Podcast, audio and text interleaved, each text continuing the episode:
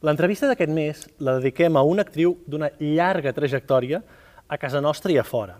Uh, la valen títols com Cabaret, Chicago, Spamalot, Falsetos, Peter Pan, Annie, West Side Story, mm, títols majúsculs. Donem la benvinguda al nostre espai a la Marta Rivera.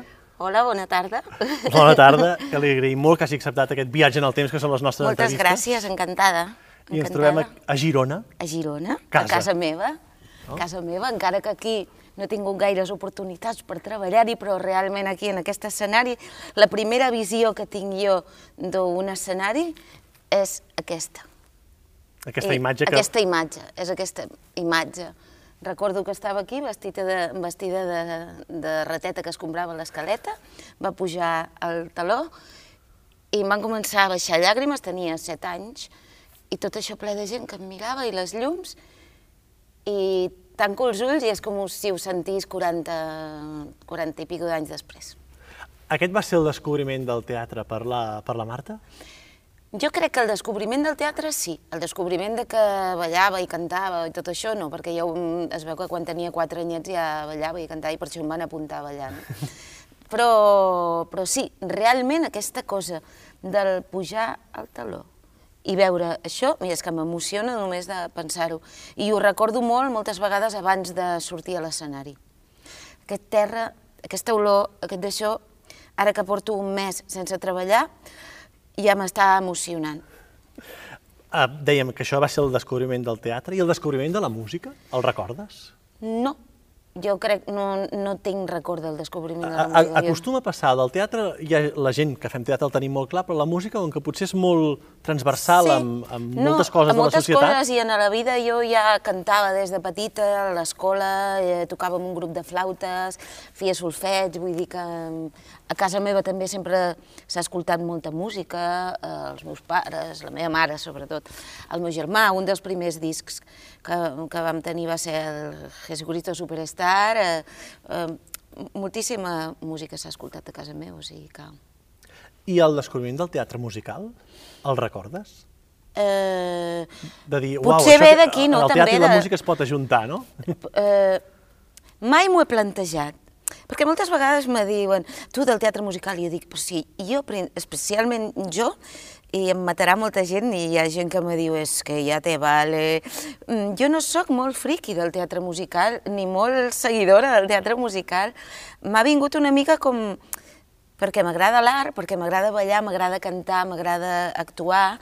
Eh, vaig descobrir, doncs sí, Jesucrist Superstar, Gris, que jo volia ser de Nissú, com set anys me va comprar la meva àvia el disc, no?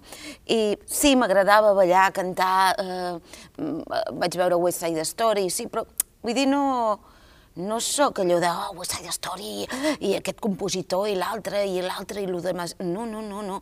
A mi m'agrada perquè el teatre musical em fa sentir, em fa...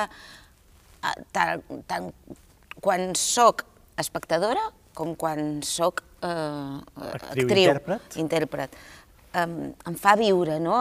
la música, la dansa, la interpretació, mm, i no sabria dir-te en quin moment mm, vaig dir, vull fer teatre musical. Sí, potser perquè la gent em deia, ah, cantes molt bé, balles molt bé, o balles i cantes, ah, per què no et dediques al teatre musical? Tampoc en l'època quan vaig començar hi havia molta escola no, per fer-ho, i resulta que el meu germà va veure un anunci al diari que posava Escola Memory de teatre musical, encara el tenim guardat, retallat del diari, teatre Mem ai, Escola de Memory, i em va pagar el, la, la matrícula i recordo que vaig anar allà al carrer València i s'estava, estaven en obres encara i la Txell Gunyalons em va fer la inscripció i, i vaig començar, vaig ser de la primera generació, diguéssim, de, del Memory. Fa ja, em sembla que eres dues temporades, vam entrevistar en aquest mateix espai en Ricard Reguant, Sí. i ens va dir que quan eh, ell anava cada dia a obrir la persiana del Sí. Memory i que s'esperava una nena allà asseguda perquè venia amb transport públic de, de, Girona, Girona. que era la Marta Rivera. Sí, me'n recordo perfectament d'aquell dia, perquè jo havia d'agafar... Jo anava al Galliner, aquí a Girona, per les tardes, i després havia d'agafar un tren als matins, a les 7 del matí, perquè abans eren trens regionals que tardaven una hora i tres quarts per arribar a Barcelona, i agafava el tren cada matí i arribava allà, si les classes començaven a les 10, potser jo arribava a les 9, a les 9 del matí, Sí, m'anava a fer un cafè, però tampoc hi havia molt d'això en sis, per, perquè van, per, per pagar, anava amb un bossot així, me'n recordo ple de la roba d'assaig, de, de tot, una ampolla d'aigua, que el Víctor Conde sempre m'ho recorda que m'anava amb la bossa, una bossa de plàstic i, i una ampolla d'aigua i que la meva imatge era molt... I recordo que un dia esperant així, i el Ricard em diu, i tu? Però com és que vens sempre tant? I jo dic, perquè vinc de Girona. Ah, de Girona? I com ell té parents a l'escala i tot això. I sí, tinc molt bon, molt bon record d'aquella època, molt bon record de l'Àngels, del Ricard, de la Txell i de tots els companys que, que vam començar allà en aquella escola. Perquè, més, avui en dia a Barcelona hi ha moltes escoles de, a Barcelona i a tot Catalunya. I a tot Catalunya i a tot Espanya. Però, però sí. sobretot a, a Catalunya, a Barcelona, perquè sí. hi ha la part més professional, diguem-ne. Però... Amb el Dani Anglès vaig començar jo Exacte. també al Memory. Aqu aquelles èpoques no era tan habitual que hi haguessin escoles de teatre musical. No és que no fos habitual, és que no n'hi havia. Jo crec que el Memory va ser la primera escola uh -huh. de teatre musical realment que va haver-hi a, a, sí, sí. a l'Estat. Sí, sí, jo crec que sí, sí, sí. El Ricard Reguant ens deia que veia que en aquella nena que s'esperava allà hi havia alguna cosa especial. Què creus que era aquella cosa especial? No ho sé, la veritat. Jo suposo, mira, eh, eh, quan, quan feia els festivals de ballet aquí, quan era petita, eh, sempre em donaven de fer doncs, la rateta que es comprava l'escaleta, diguéssim ja, papere, vull dir... I quan acabava, totes les mares i la gent em deia ai Marta, que bé que ho has fet, ai, i la meva mare, jo li deia, mama, ho he fet bé, mare, ho he fet bé, i em deia, no, t'hi fas massa, se't veu massa, i jo pensava, t'hi fas massa, se't veu massa, cosa que després, amb el temps, eh, penso que és eh, el mateix piropo que em diuen de que quan surto a l'escenari tinc alguna cosa que, que, que no sé, que, que desprenc alguna cosa. Suposo que era això que la meva mare m'ho veia en negatiu, no? Perquè ell es devia vergonyir una mica i que de, després és el que, no sé... És, com és aquesta cosa, destaca. És aquesta cosa que em, que em surt d'aquí dintre, no? I jo moltes vegades dic, sí, la tècnica l'he estudiat, no? L'Alba Quezada, al West Side Story, una vegada em va dir, estudia la tècnica para, para que nadie nunca se pueda meter contigo, no? Perquè si expliquéssim coses que passen al darrere, uh -huh tindríem moltes coses que explicar. Jo plorava i em deprimia i tot això, em deia, tu tienes algo? Alba Quezada era la, persona, la noia que feia de Maria en el West Side Story en el 96. Eh, tú tienes algo que mucha gente no tiene, pero estudia la técnica para que nunca nadie se pueda meter contigo, m'ho va dir. I això és algo que, bueno, suposo que aquella coseta la tinc, que després l'he anat, amb tècnica, mm -hmm. l'he anat també afiançat. I aquesta coseta, diguem-ne, el Ricard suposa que també era aquesta, perquè un molt poc després, en el Memory, vas començar a fer el primer allà, que era el llibre, el llibre de, de la, la selva. selva. Com el sí. recordes? Perquè, Recordo un molt divertit. El primer sempre recorda, no? Recordo un molt, molt divertit. Jo tenia una veueta més petita, sempre que... I recordo que mm, vocalment ens va dirigir musicalment el sueco i que me deia, pedal, pedal! Me deia, pedal, pedal, què vol dir pedal, pedal? Realment volia dir que tragués tot allò que tenia dintre, no? tot allò d'aquella veueta, perquè clar, jo cantava, però, per exemple, cantava com la Maria Magdalena del, mhm. del Jesus Christ Superstar, cançons més de jazz, però de Billie Holiday o cançons... Però el que volia és que tragués... I d'allà una mica em va sortir també la, la presència meva, que em diuen també que és diferent, que és el que em dona una mica de personalitat, dona personalitat que crec que això s'ha perdut també en, el, en la gent que treballa, que, que està començant ara i que... Mm. Per això és una altra cosa que hi ha... Ah, que... Entrarem després amb, el, amb els estudis, sí, no? però que a vegades exacte. sí que uh, hi ha la, la tendència de que es va reproduir com ho ha fet aquell a l'estrena i que tothom és igual, no? Sí, exactament. Sí. Això segurament... Vols que segueixi per aquí sí, o ho fem podem, quan? Ho, ho doncs, podem fer ara i, sí, segur, i segurament alguna cosa que veig, i no me vull fer la, la vella, ni la iaia, ni l'experta, ni la... Però realment, mm, quan jo veig un espectacle últimament i, i veig gent jove ballant, cantant o interpretant, eh, amb obres de teatre de text, amb obres de, de teatre musical o amb companyies de, de dansa, hi ha moltíssima tècnica, hi ha molta escola, hi ha moltes capacitats, hi ha molt de talent, però em falta l'ànima i em falta la personalitat pròpia de cadascú. Jo no sé si és que abans no teníem ni Google ni, ni molta informació externa per poder copiar o per, poder, per tenir referències. Teníem menys referències que, que, que ara, no? Però ara, per exemple, a vegades tanques els ulls i no saps qui està cantant. No saps si està cantant... Mm, tal o qual, sí, tal sí, o qual, sí, sí, sí. perquè tenen el timbre de veu en el mateix lloc. El... I jo li comentava en el Dani Anglès fa poc, li deia, Dani, és que a vegades em sembla que si els hi talles el cap, és que, és que el de baix no, no hi és, en falta, uh, no sé, aquesta cosa d'aquí, no? Mm, potser jo en tinc massa, però falta afiançar-se al terra, i falta tocar a terra, i falta mm, ànima i eh, personalitat pròpia. Mm. I després del llibre de la selva, sí. hi va venir un títol, no sé si has dit que no eres molt foròfora del teatre musical, però que no sé si el coneixies, que és el Rocky Horror Show. Sí.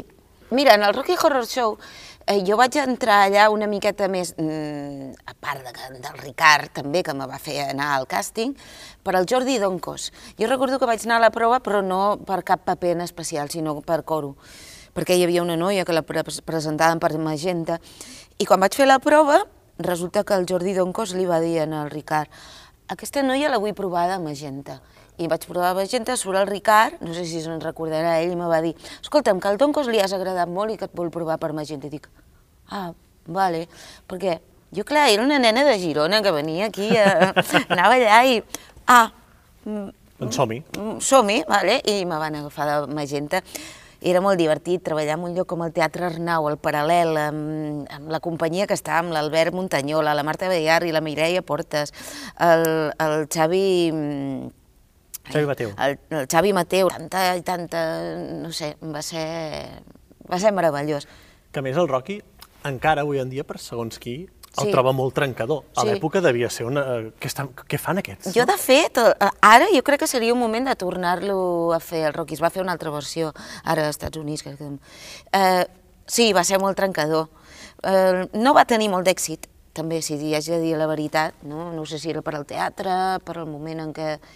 Bueno, el teatre musical tampoc estava en aquella època, uh -huh. en el auge ese del teatre musical que diuen ara, ahora es el auge del teatre musical. Sí, ja fa uns quants anys que estem treballant per això, no? Però bueno. Eh, però la gent que va venir sí que va tenir èxit. Vull dir, a la gent que va venir a veure sí que va ser un gran referent. De referents, en abans ja l'has citat, que el coneixies, perquè després del Rocky va venir un, una obra mestra, diguem-ne, de tots els Sí. temps, que és West Side Story. Un regal, un regal... De... Tinc una altra anècdota d'això, amb el Víctor Conde anàvem a classe al Memory i eren els càstings del West Side Story. I, i jo no sóc morena, morena, jo sóc castanyeta clara i, i no m'havia tenyit mai de la vida. Tenia el cabell arrissadet, llarg, així, sóc molt blanqueta de pell, i recordo que estàvem allà i moltes de les noies em deien «Ai, tu d'americana quedaries molt bé. I jo, a mi el Ricard m'havia dit que em volia presentar per Anita. Jo, sí, sí. I el Víctor Conde deia, d'americana, tu d'Anita. Jo, va, deixa'ls, deixa'ls. I al final em van agafar d'Anita, però després de sis proves, perquè eh, Focus volia una persona, Ricard em volia a mi, i vaig haver de preparar-me sis proves. A part de que jo fent càstigs, càstings, són un càstig, Són un càstig. és un càstig, i ho segueix siguent, després de 25 anys, eh, soc mm, patètica, o sigui, però patètica, o sigui, sóc vergonyosa, tímida, tremolo, no sé ni cantar, no sé si... I els meus càstings, fins al final, l'últim càsting final que vaig fer plorar a l'Amparo, jo crec, i doncs no... Amparo de Focus, De és Focus, mítica. sí. Igual un dia l'hem d'entrevistar perquè apareix, També, amb, clar, apareix amb molts noms de molts actors que, que hem parlat sí, de clar. teatre musical i que Focus... De vegades durant- ens oblidem de la gent que ens ha donat l'oportunitat també així, que no són el director i tot. Però el Jordi González, el Daniel Martínez i el- i l'Amparo, el- jo els hi tinc un carinyo especial per l'oportunitat. Igual que els Balanyà al Teatre Tívoli, un carinyo, no sé, especial. Ens ho apuntem, ens ho apuntem a la llista, ens ho apuntem. Perquè dic, l'Amparo especialment ha sortit a moltes entrevistes, que amb en Joan Vázquez, amb l'Ester Bartomeu, amb l'Ester... Sí, sí, han sortit aquí, Clar. Ens, ens ho apuntem. Uh, com recordes, però, fer aquell West Side Story? Perquè, diguem-ne, uh, al moment, jo ho recordo com a espectador, estar assegut al pati de butaques del Tívoli Sí? i dir, uau, això és que ho fan tota aquesta gent. Canten, ballen, interpreten, la partitura és magnífica, el llibret, eh, què dir? Uau, jo Sup- ho recordo, especial. Suposo que si ara ens poséssim a comparar... És com tot, no? Han passat 20... Era el 96, imagina't els Sí, anys sí. que han passat. No hi havia els mateixos mitjans, no hi havia la mateixa preparació, no, no era el mateix. I suposo que si ara ens poséssim a comparar el nivell d'aquella funció amb el... No ho sé, no ho sé, és un dia, eh? Potser sí que... que... Però jo recordo que va ser una de les experiències més meravelloses també de la meva vida, no? Trobar-te en un teatre Tívoli fent de nit, amb, aquelles, mm, amb aquella partitura, amb aquelles cançons, amb aquell paper dramàtic, que, que, amb aquells assajos que recordo que el, el, el barri Magnat em volia matar perquè, perquè sóc molt lenta i les coreografies no... Jo tardo molt més. A vegades dic, jo sóc ballarina però sóc dislèxica i no me les aprenc fins que tothom ja s'ho ha après i jo encara estic allà. I el dia que vaig estrenar em va venir la traductora i em va dir, Barry, me ha dicho que eres una hija de... de porque le has estado engañando, no? Perquè en quan pujava el taló eh, era com, fuà, aquí ho haig de donar tot, no? I potser en els assajos el... no, no podia, n'he après a assajar, jo no sabia assajar. Estava a Germans de Sang, Hermanos de Sangre, Teatro Lara, i el, com es diu, l'autor de les, el, traduc, el que va fer l'adaptació, el, el Nacho Artime, Sí. Martita, Martita, es que no sabes ensayar, ¿por qué no das lo mismo en los ensayos? I dic, es que no puedo, es que no puedo. Però ara ja, ja, ja n'he pres una miqueta més. I West Side Story també, allò que deies, canvia la vida, va Sí. ser un primer muntatge que se'n va anar a Madrid. Sí. Això també canvia? Home, de fet, gràcies a West Side Story, gràcies, per sort o per desgràcia, no ho sé, doncs per sort jo crec, perquè haig d'agrair moltíssim a que, a que Madrid m'hagi acollit tal, tal, com, tal com em va acollir. Doncs per sort vaig eh, aterrar allà i a partir d'allà ja vaig començar a treballar mm, Amb molts amb molts espectacles, sí. Si et sembla, d'aquests espectacles, que molts eren amb el Luis Ramírez, Sí. Uh, si et dic un títol, a veure què recordes de, de, cada, Vale. de cada títol, o alguna cosa important, uh, perquè n'hi ha molts. Gris. Gris, uh! Allò, com dèiem un dia amb el eh, amb l'Armando Pita i el Víctor Ullata i tot, allò era una màster, o sigui, allò era ja que si has superat aquella, aquella etapa, ja ho has superat, eh, eh, és una masterclass allò de, de, de resiliència. Van ser tres mesos d'assajos amb el Ramon Uller de coreografia. Eh, allò va ser un muntatge impressionant de escenografia, vestuari, coreografies... Eh, en- estàvem matats. Això de si ara hi hagués el conveni aquest de que a tal hora hem de... No, no, no, allà no existia ni conveni, no existia res, no hi havia ni cover, o sigui, era una cosa que estàvem tots així desmaiats i prims. Um, va ser impressionant. Recordo, avui fa 21 anys, que va morir el Carles Sabater, i, i jo tenia amistat amb ell i amb, amb, amb el grup Sau, i jo estava assajant al, al Saje, el lloc on, un gimnàs on, on s'assaja allà a Madrid, estàvem assajant, gris precisament, i estàvem fent un passe, i jo vaig cantar la cançó de Lo podria hacer peor i m'acabaven de trucar perquè ja hi havia telèfons, els primers telèfons, els primers, i m'acabaven de dir que s'havia mort el Carles Carles. Sabater. I, I recordo de cantar el Lo podria hacer peor i no poder acabar de cantar, perquè clar, un, no té res a veure el que està cantant la Ritzo en aquell moment, no? però l'angoixa aquella de, de pensar, hòstia, que que, que, que s'ha mort el Carles, doncs em va destrossar. La gent no en tenia res, no? Els companys, però... Però bueno, era això. I just avui, fa, fa 21 morir el anys. Carles. O sigui que fa 21 anys estava assajant Gris. Gris. La màgia de Broadway. La màgia de Broadway. La màgia de Broadway per mi va ser una cosa... Eh, una, tots els espectacles que he fet he après de, de, de lo que és l'espectacle, els personatges i de, de, dels meus companys i en la màgia de Broadway vaig aprendre a que no a no amagar-me al darrere d'un personatge per cantar una cançó. Sempre t'amagues, eh, ja en quan et maquilles o et vesteixes, mm. o ara aquí amb els focus ja una mica personatge ets, no? Però en la màquia de Broadway era com un, un, anar cantant cançons de diferents musicals, no? Tots ordenats i amb, una, amb un moviment escènic, doncs et feia mm, cantar realment d'una altra manera que no era ben bé dintre d'un personatge. Mm. Jekyll y Hyde. Bueno, això és... Mm, mira, ploraré. ploraré perquè, a part en aquells moments estava passant ja una situació personal bastant dura, eh, va donar l'oportunitat de cantar unes partitures precioses, de fer un personatge preciós al costat d'un monstre, mai millor dit, com és el Rafael, que és una de les persones amb les que he treballat que estimo més i que és un... és humil, treballador i és un, una persona per treure's el barret i aprendre d'ell moltíssim. Vaig aprendre moltíssim d'ell també. Que bé. Ani? Ani. Ani és de les primeres pel·lícules musicals que vaig veure quan era petita i evidentment era com un regalet. A mi m'hagués agradat sempre fer el paper de Miss Hannigan, però vaig fer Grace Farrell, que també m'agradava.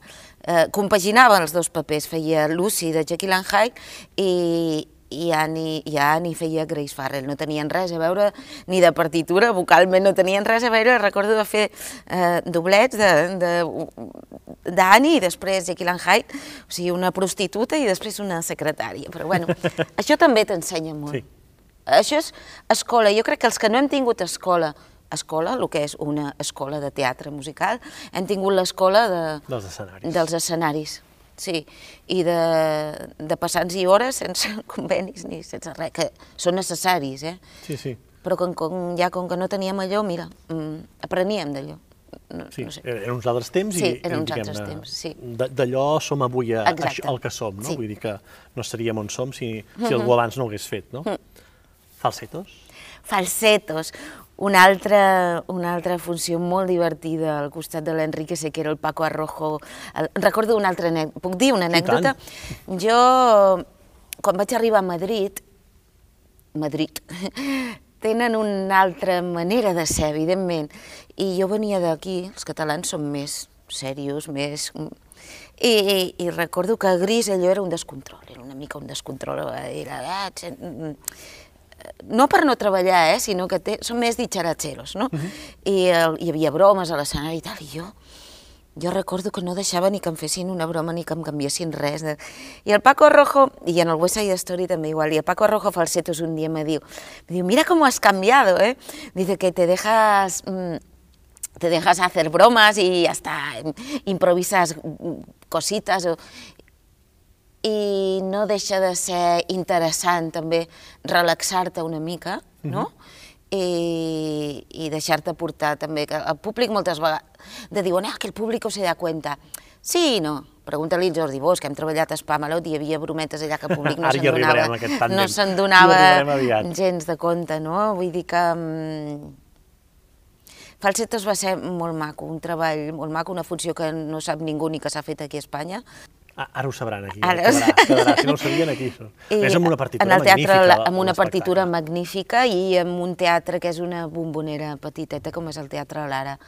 I, amb el, i mira amb la gent que t'estic parlant, sí, Paco sí. Arrojo, Maciel, una altra dona encantadora... Que sap que, poca gent que ha fet obres de teatre musical. Sí. N'ha fet. Clar, però la Maciel és una dona que t'ho don tot, et don la vida. O sigui, és culta, eh, agraïda, generosa, eh, increïble.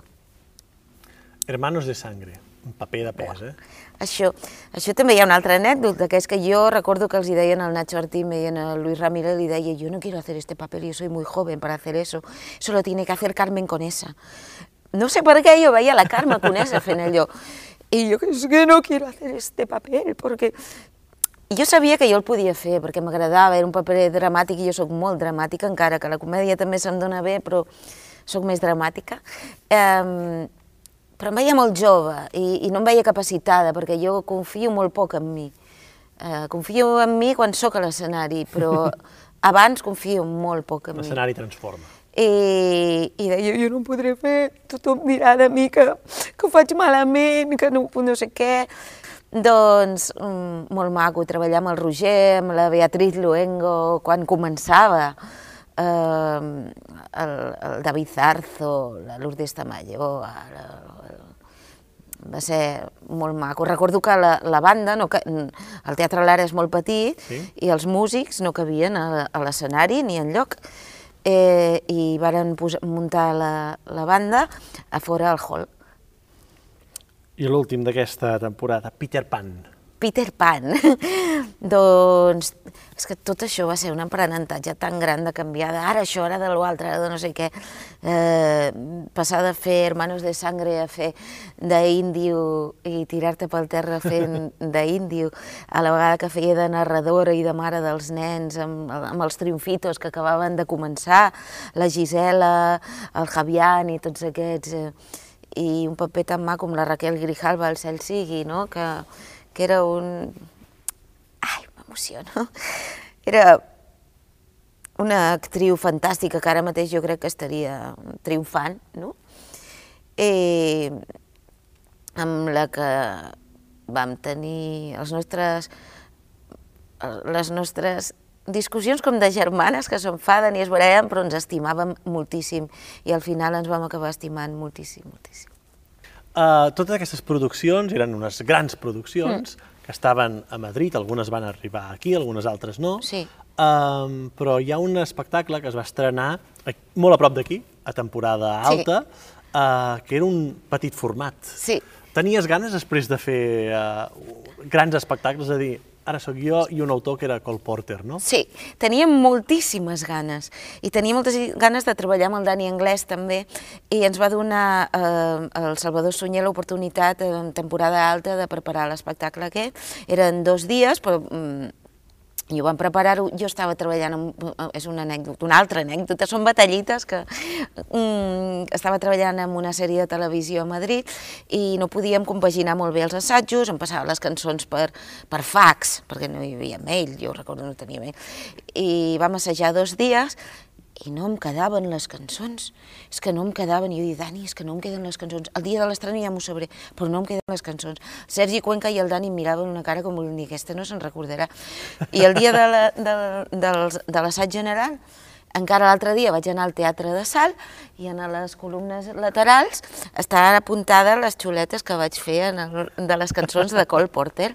Cole Porter m'encanta, mm, ho tornaria a fer-ho, va ser un espectacle molt íntim, molt maco, que va durar dos dies, no hi ha res gravat perquè van posar la càmera, però se, se'ls va, se'ls hi va oblidar a, a connectar-la, o sigui que no en queda res, només queden les xuletes de, i alguna foto que hi ha per allà. Un espectacle dirigit per al Daniel Anglès, per al Dani, Amb el eh, Sergi Cuenca al Amb piano. el Sergi Cuenca al piano, i preciós.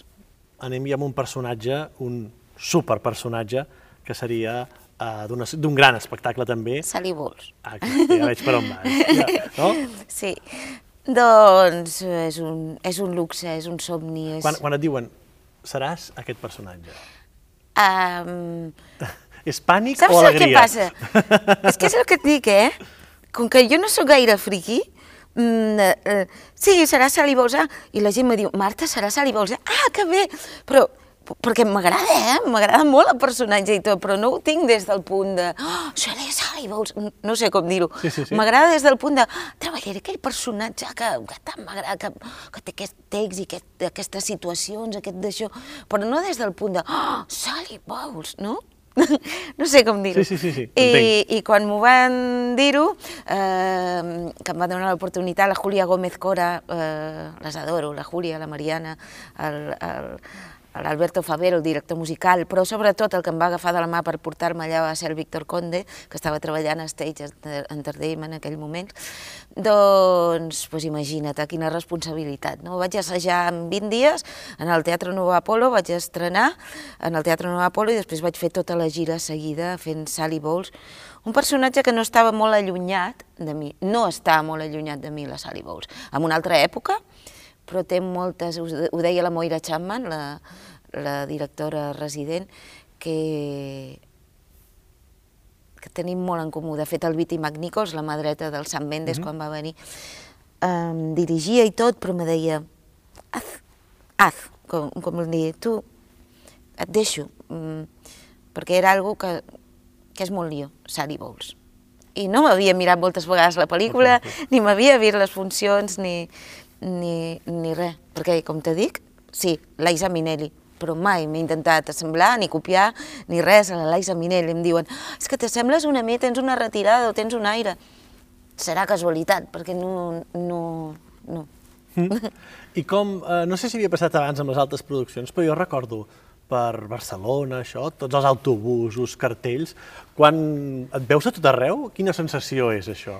És maco, és molt maco però ja t'he dit, és que no sóc ni de guardar fotos, ni de guardar records, ni de... L'altre dia, no sé, em van fer una altra entrevista i deia això de, de penjar les crítiques i tot això. Jo és que a mi em fa cara una mica de... perquè jo sóc eh, l'actriu cantant ballarina aquí sobre, però tot el que és després creuant la porta d'això em fa una mica com de...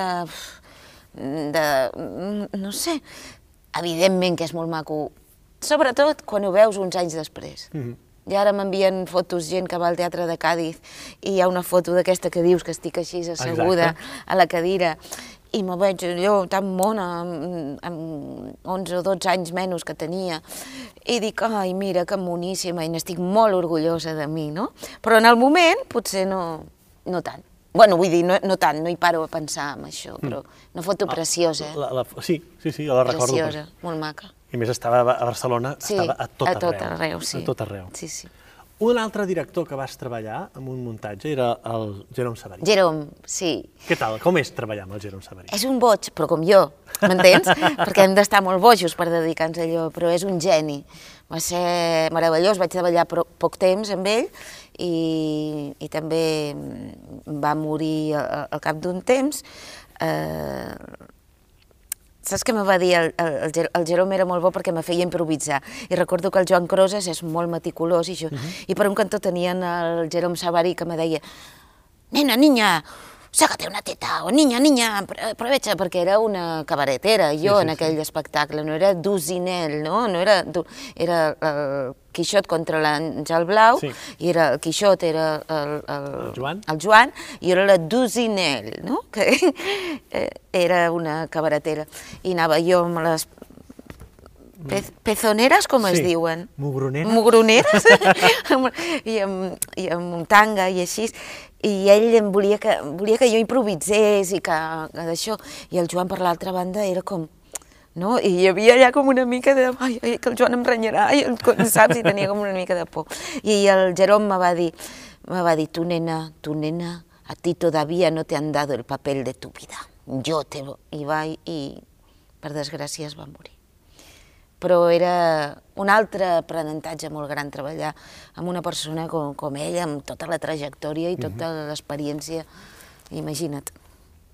Si ara deies amb el Sabarí mm. uh, aquest joc, crec que llavors va venir un espectacle que jo el recordo des de, des del pati de butaques del Teatre Victòria, sí? uh, que pensava, és que s'ho han de passar molt bé fent aquesta funció, mm. que era Spamalot. Spamalot, Spamalot. Spamalot amb el Jordi Bosch, que jo moltes vegades em pregunten, diuen, treballar amb la... A veure, a mi m'agrada que em mirin els ulls en l'escenari, no? que estigui mirant els ulls de la persona que està fent el personatge, però que al darrere hi vegin aquella persona, no? i que hi hagi una comunicació. I amb el Jordi tinc gravats moments d'estar en tot musical, i, o, o al final d'estar cantant, amb el Sergi Albert també, sí? no? i aquell viure-ho els dos a la vegada, no? I, amb el, amb el Joan Gràcia, el Carles i el Paco dirigint, el Marc Montserrat allà fent d'ajudant de direcció que no ens en deixava passar ni una. I també un espectacle tan divertit, tan dirigit meticulosament, eh, meravellós, és que sóc una afortunada perquè he tingut la sort de, de fer tant papers tan macos. A més aquest hi havia dos caramelets jo crec que un és el de l'acte 2, que és la, la cançó, sí. quan fa una estona que el personatge no sí. apareix en escena, sí. que és com... Que a veure, le ha passat a mi paper, no? Però l'entrada amb la barca, sí, amb el, amb, com, com amb el, el del fantasma de l'òpera, amb, amb el, Galahad, sí, sí, sí.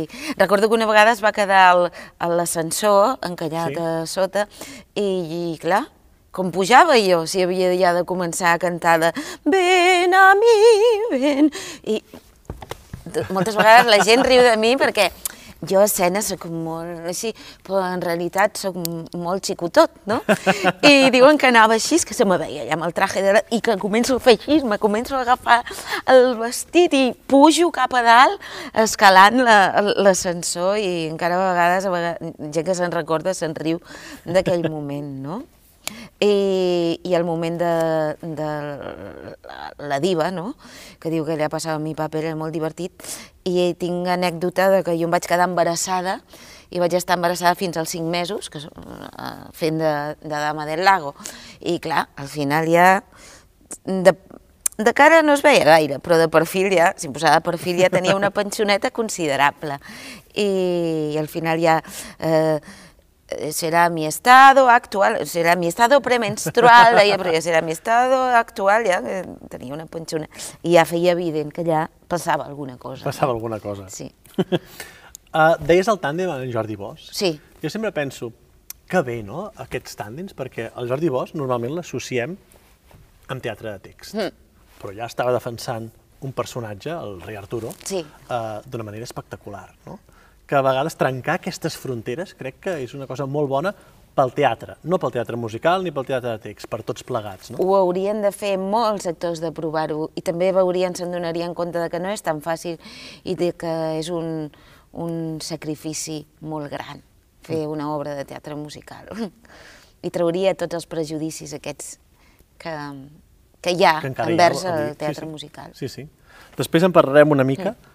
i ve un altre personatge mm, ja ens ha quedat clar que no ets mitòmana, no? però un, quan et diuen Chicago, Bel McKelly. quan em diuen Chicago, Bel McKelly, dic, ai, no. I aquí és ja quan molta gent em diu, mataré, Marta, et mataré. No, jo acabava de, de parir, eh, em van operar a tiroides al, al parir, dos mesos després em va sortir, vaig tenir un problema, que, bueno, vaig tenir un nòdul a tiroides, benigne, em van operar el mes de març i hi havia els càstings de Chicago, em va trucar el Marcel Bosch de Stage i em van dir ¿te quieres presentar a los càstings de Chicago? Jo no, no, Marcel, con este cuerpo no estava molt grassoneta, però no, jo no em veia en aquells moments a posar-me amb les malles a, a fer un càsting de Chicago, precisament, a ballar uh -huh. Fossi, no? I, bueno, va passar això i al cap d'un temps, no m'hi vaig presentar, al cap d'un temps em truquen de Stage el Peter eh, de Stage y me dijo, ¿tú irías a Londres a hacer una prueba para Chicago? Y yo dije, ¿y eso? Dice, sí, porque el personaje de Bel McKelly todavía no están muy seguros de que... Y yo les he propuesto, te he propuesto para... Jo vaig preguntar a la família i tot, clar, jo tenia una nena de, de sis mesos, també era una gira i tot això, i sí que vaig agafar les maletes amb la Moira Chapman i ens en vam anar tres dies a Londres i vaig estar tres dies fent proves, una, un dia la prova d'interpretació, l'altra prova de musical i l'altra prova de coreografia amb el, amb el Nigel West eh, allà a l'escenari del teatre on estaven fent Chicago en aquells moments. Mm quina vergonya. I res, finalment em van dir, estaria, et posaries en forma... Bé, clar, és que Belma Kelly Ara balla moltíssim. És una funció que ha de ser molt exigent És molt físicament. exigent físicament, i la Belma, o sigui, molt exigent. I jo havia estat ballant, però no, aquell ritme no... Clar, després de parir, després d'això, no, portava temps també mm -hmm. sense ballar, el que és ballar, ballar, ballar, ballar, i vaig dir sí, sí, sí. Eh, vaig agafar i amb el Francesc Abós ens vàrem tancar al Teatre Coliseum de, de Madrid i, i vinga, vinga, vinga, vinga, fotre-li canya i ja, va, i ja està, ja va estar. Però, de totes formes, el personatge de Belma Kelly no era el que a mi m'agradava. A mi tota la vida m'havia agradat Roxy Hart, perquè també era més semblant a la meva energia, al meu, a la meva forma de ser, eh, i no sé, però bueno. Ah, igual hi ha una reposició de Chicago. Sí, però eh, estic contentíssima, eh? No és que digui, oh, quina merda, no vaig fer... No, no, no, no, no què va. De fet, amb la Maria Blanco moltes vegades dèiem, perquè la seva energia és més així, i estàvem com canviades, no? dèiem, un dia lo cambiamos. Us intercanvieu també, a veure sí. què passa, no? Um, una altra superproducció era El último jinete. Sí. Això era una superproducció. Això era un encàrrec que li van fer a l'Andrés Vicente Gómez, un príncep de- d'Aràbia, i amb molts de diners i tal, que era un encàrrec de que havia d'explicar la història del príncipe de no sé què, no sé quantos i tot, i ho va escriure, ho va adaptar el, el rei Loriga, ho va dirigir el, Dictor, el Víctor Conde, i va ser un espectacle, imagina't, amb el vestuari de la Yvonne Blake, que és la, la que va crear el traje de Superman, que va guanyar un Oscar per el, el, el traje de Superman. El disseny del- El disseny del traje de Superman. I, eh, eh, un, impressionant, una escenografia, un, un escenari... Eh, Cavalls. Cavalls, eh, mm, bueno, bueno, bueno, impressionant. Que va durar un mes als teatres del Canal. En principi havia de durar més, anar-se'n de gira, però va fer pf, i ja està. Però allà hi vaig fer un dels papers que m'ha agradat més de la meva vida que era un paper d'un personatge que parlava en francès i que es transformava en, en, en el creador del cinema, cinematògrafo era, i era com un noi-noia, o sigui, canviava de... anava de ballarina de claquer, em canviava amb mm, zero coma i sortia de, de cinematògrafo, no? I era boníssim, i treballar al costat del Miquel Fernández, ens pixàvem cada dia, perquè era com mm, també un altre, que el miraves a la cara i em deia, Marta, sisplau, i jo li feia alguna brometa, alguna cosa. També el text l'anava canviant cada dia el Rai Loriga, i jo recordo que allà també m'havia fet alguna xuleta a la mà, que em girava i deia en el desierto de no sé què, no sé quantos, i m'havia de girar i fer així, perquè clar, a ver, Rai, no me cambies unos textos así en media hora, porque son, son ni yo ni, ni cualquier otra persona. Sí. Però era meravellós, eh? Jo crec que el Víctor Conde va fer una direcció meravellosa, les cançons i tot. Són aquelles coses que passen de... Bueno, no, no se sap per Sí. què, però La forma màgica no existeix. no existeix. Fins aquí. Això ens ha quedat molt clar amb totes les entrevistes d'aquests tres anys ja. Sí, Una obra també que és molt estimada per molts actors és l'Ai Carmela. sí. Què té aquesta obra? Aquesta obra jo crec que té que és ànima pura, no? que és eh, el que en diuen l'entranya pura, no? La realitat, l'entranya pura, les vísceres, i també de la història que té, no? que estem molt a prop d'allò últimament, no? I jo crec que és això, el tocar de peus a terra, la, la víscera, la, la realitat, la, no grans escenaris, Sí, sí. ni grans eh, Pocs actors. muntatges, pocs actors i tot molt de, de veritat i molt punyent. Més tard va tornar a arribar un, un títol, Cabaret, Sí? però amb un canvi de personatge. Com es viu això? amb un altre somni complet, és un altre somni complet. Recordo que la Patri Patricia Clark, que feia de Froilan Schneider en el cabaret de Sant Mendes, doncs jo li deia, ai, Patricia, cuando yo sea más mayor quiero hacer tu personaje. Perquè cada dia quan jo feia de Sally Ball sentadeta en una cadira aquí i ella cantava el tema, el tema final, no? que havíem d'estar el Cliff i jo mirant-la mentre ella cantava, jo la mirava i pensava, ai, algun dia cantaré aquesta cançó jo també. M'agradaria cantar. Sí, és això. I mira, mm, set anys després vaig tenir l'oportunitat, em va trucar el Juanjo Rivero de, de SOM i em va dir, Martita, mm, ¿quieres presentarte a, a la prueba i tal? Em vaig presentar a la prova, van, van agafar per, per la funció i fins i tot la meva filla me diu, mama, té 10 anys, la meva filla, mama, a mi el paper que més m'ha agradat, no, no, no, no he tingut l'oportunitat De de veure tant, és la Froilan Schneider. Estava una mica loquita, també, diu, mama, perquè tu et donen paper sempre que estan una mica loquitos, me diu. Diu, però, però és el paper que més eh, m'ha agradat i realment és un paper preciós. Molta gent diu que era molt jove per fer-lo, Bueno, també vaig fer de, de senyora Johnston amb 29 anys, no? Jo què sé, però jo crec que colava, no? I que molta gent li va colar, i a vegades les opinions de la gent a fora, de la mateixa professió, no les has d'escoltar, les que has d'escoltar és aquest senyor que està aquí, que...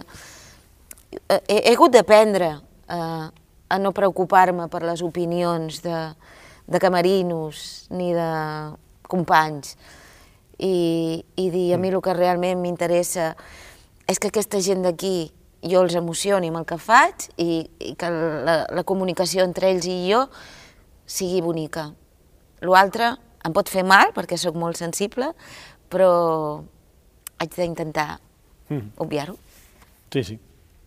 De cabaret a un altre cabaret, no? Perquè el... De hall. Exacte, això és un cabaret contemporani, podríem dir, aquests espectacles, no? Sí, és un espectacle multidisciplinar, però al, al màxim, perquè si el teatre musical és multidisciplinar, el que és el teatre cabaret de The Hall és, imagina't... Eh, gent penjada, no? Eh, gent penjada, eh, i és un aprenentatge molt gran, també a nivell d'improvisació, de, de veure el treball i la dedicació i el, el com es diu, uh, tota aquesta gent que, que tu dius que es pengen, tenen una disciplina, uh -huh. una forma de treballar. I un risc físic. I un risc físic, i una, i una humilitat que jo crec i moltes vegades ho he dit, que molta de la gent que treballa en musical, una vegada a la seva vida hauria d'anar a treballar en una carpa de circ fent una gira de, o de hall o així, amb una carpa de circ, visquent allà més o menys en la carpa, família amb del la, circ, no? una família del circ i treballant a el que és una carpa de circ amb tota aquesta gent. Gent de diferents països, de Rússia, eh, d'aquí, d'allà, francès, no sé què. Es crea una mena de família i és esgotador, uh -huh. eh, no tens moltes de les facilitats que tens amb altres grans productores, com, com pugui ser la Gran Via, no, diguéssim, uh -huh. i has d'anar rodant i passes fred, has d'anar, imagina't, de la rulota a l'escenari, vestida de ratet amb tanga i amb...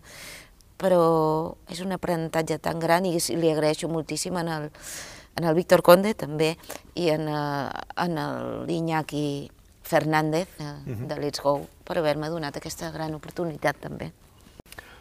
Un altre muntatge, i ens anem acostant ja cap sí. aquí, el 2017, Sueños de Quevedo. Buah, això és perquè havia treballat amb el Juan Echanove a Un Paso uh -huh. Adelante, una sèrie, la sèrie Un Paso Adelante, i, y yo ya le había comentado alguna vez al Juan, Juan, yo quiero hacer algo que no sea teatro musical, porque es que siempre hago teatro musical, pero yo creo, me gustaría hacer alguna vez algo que no fuera uh, teatro musical, no sé.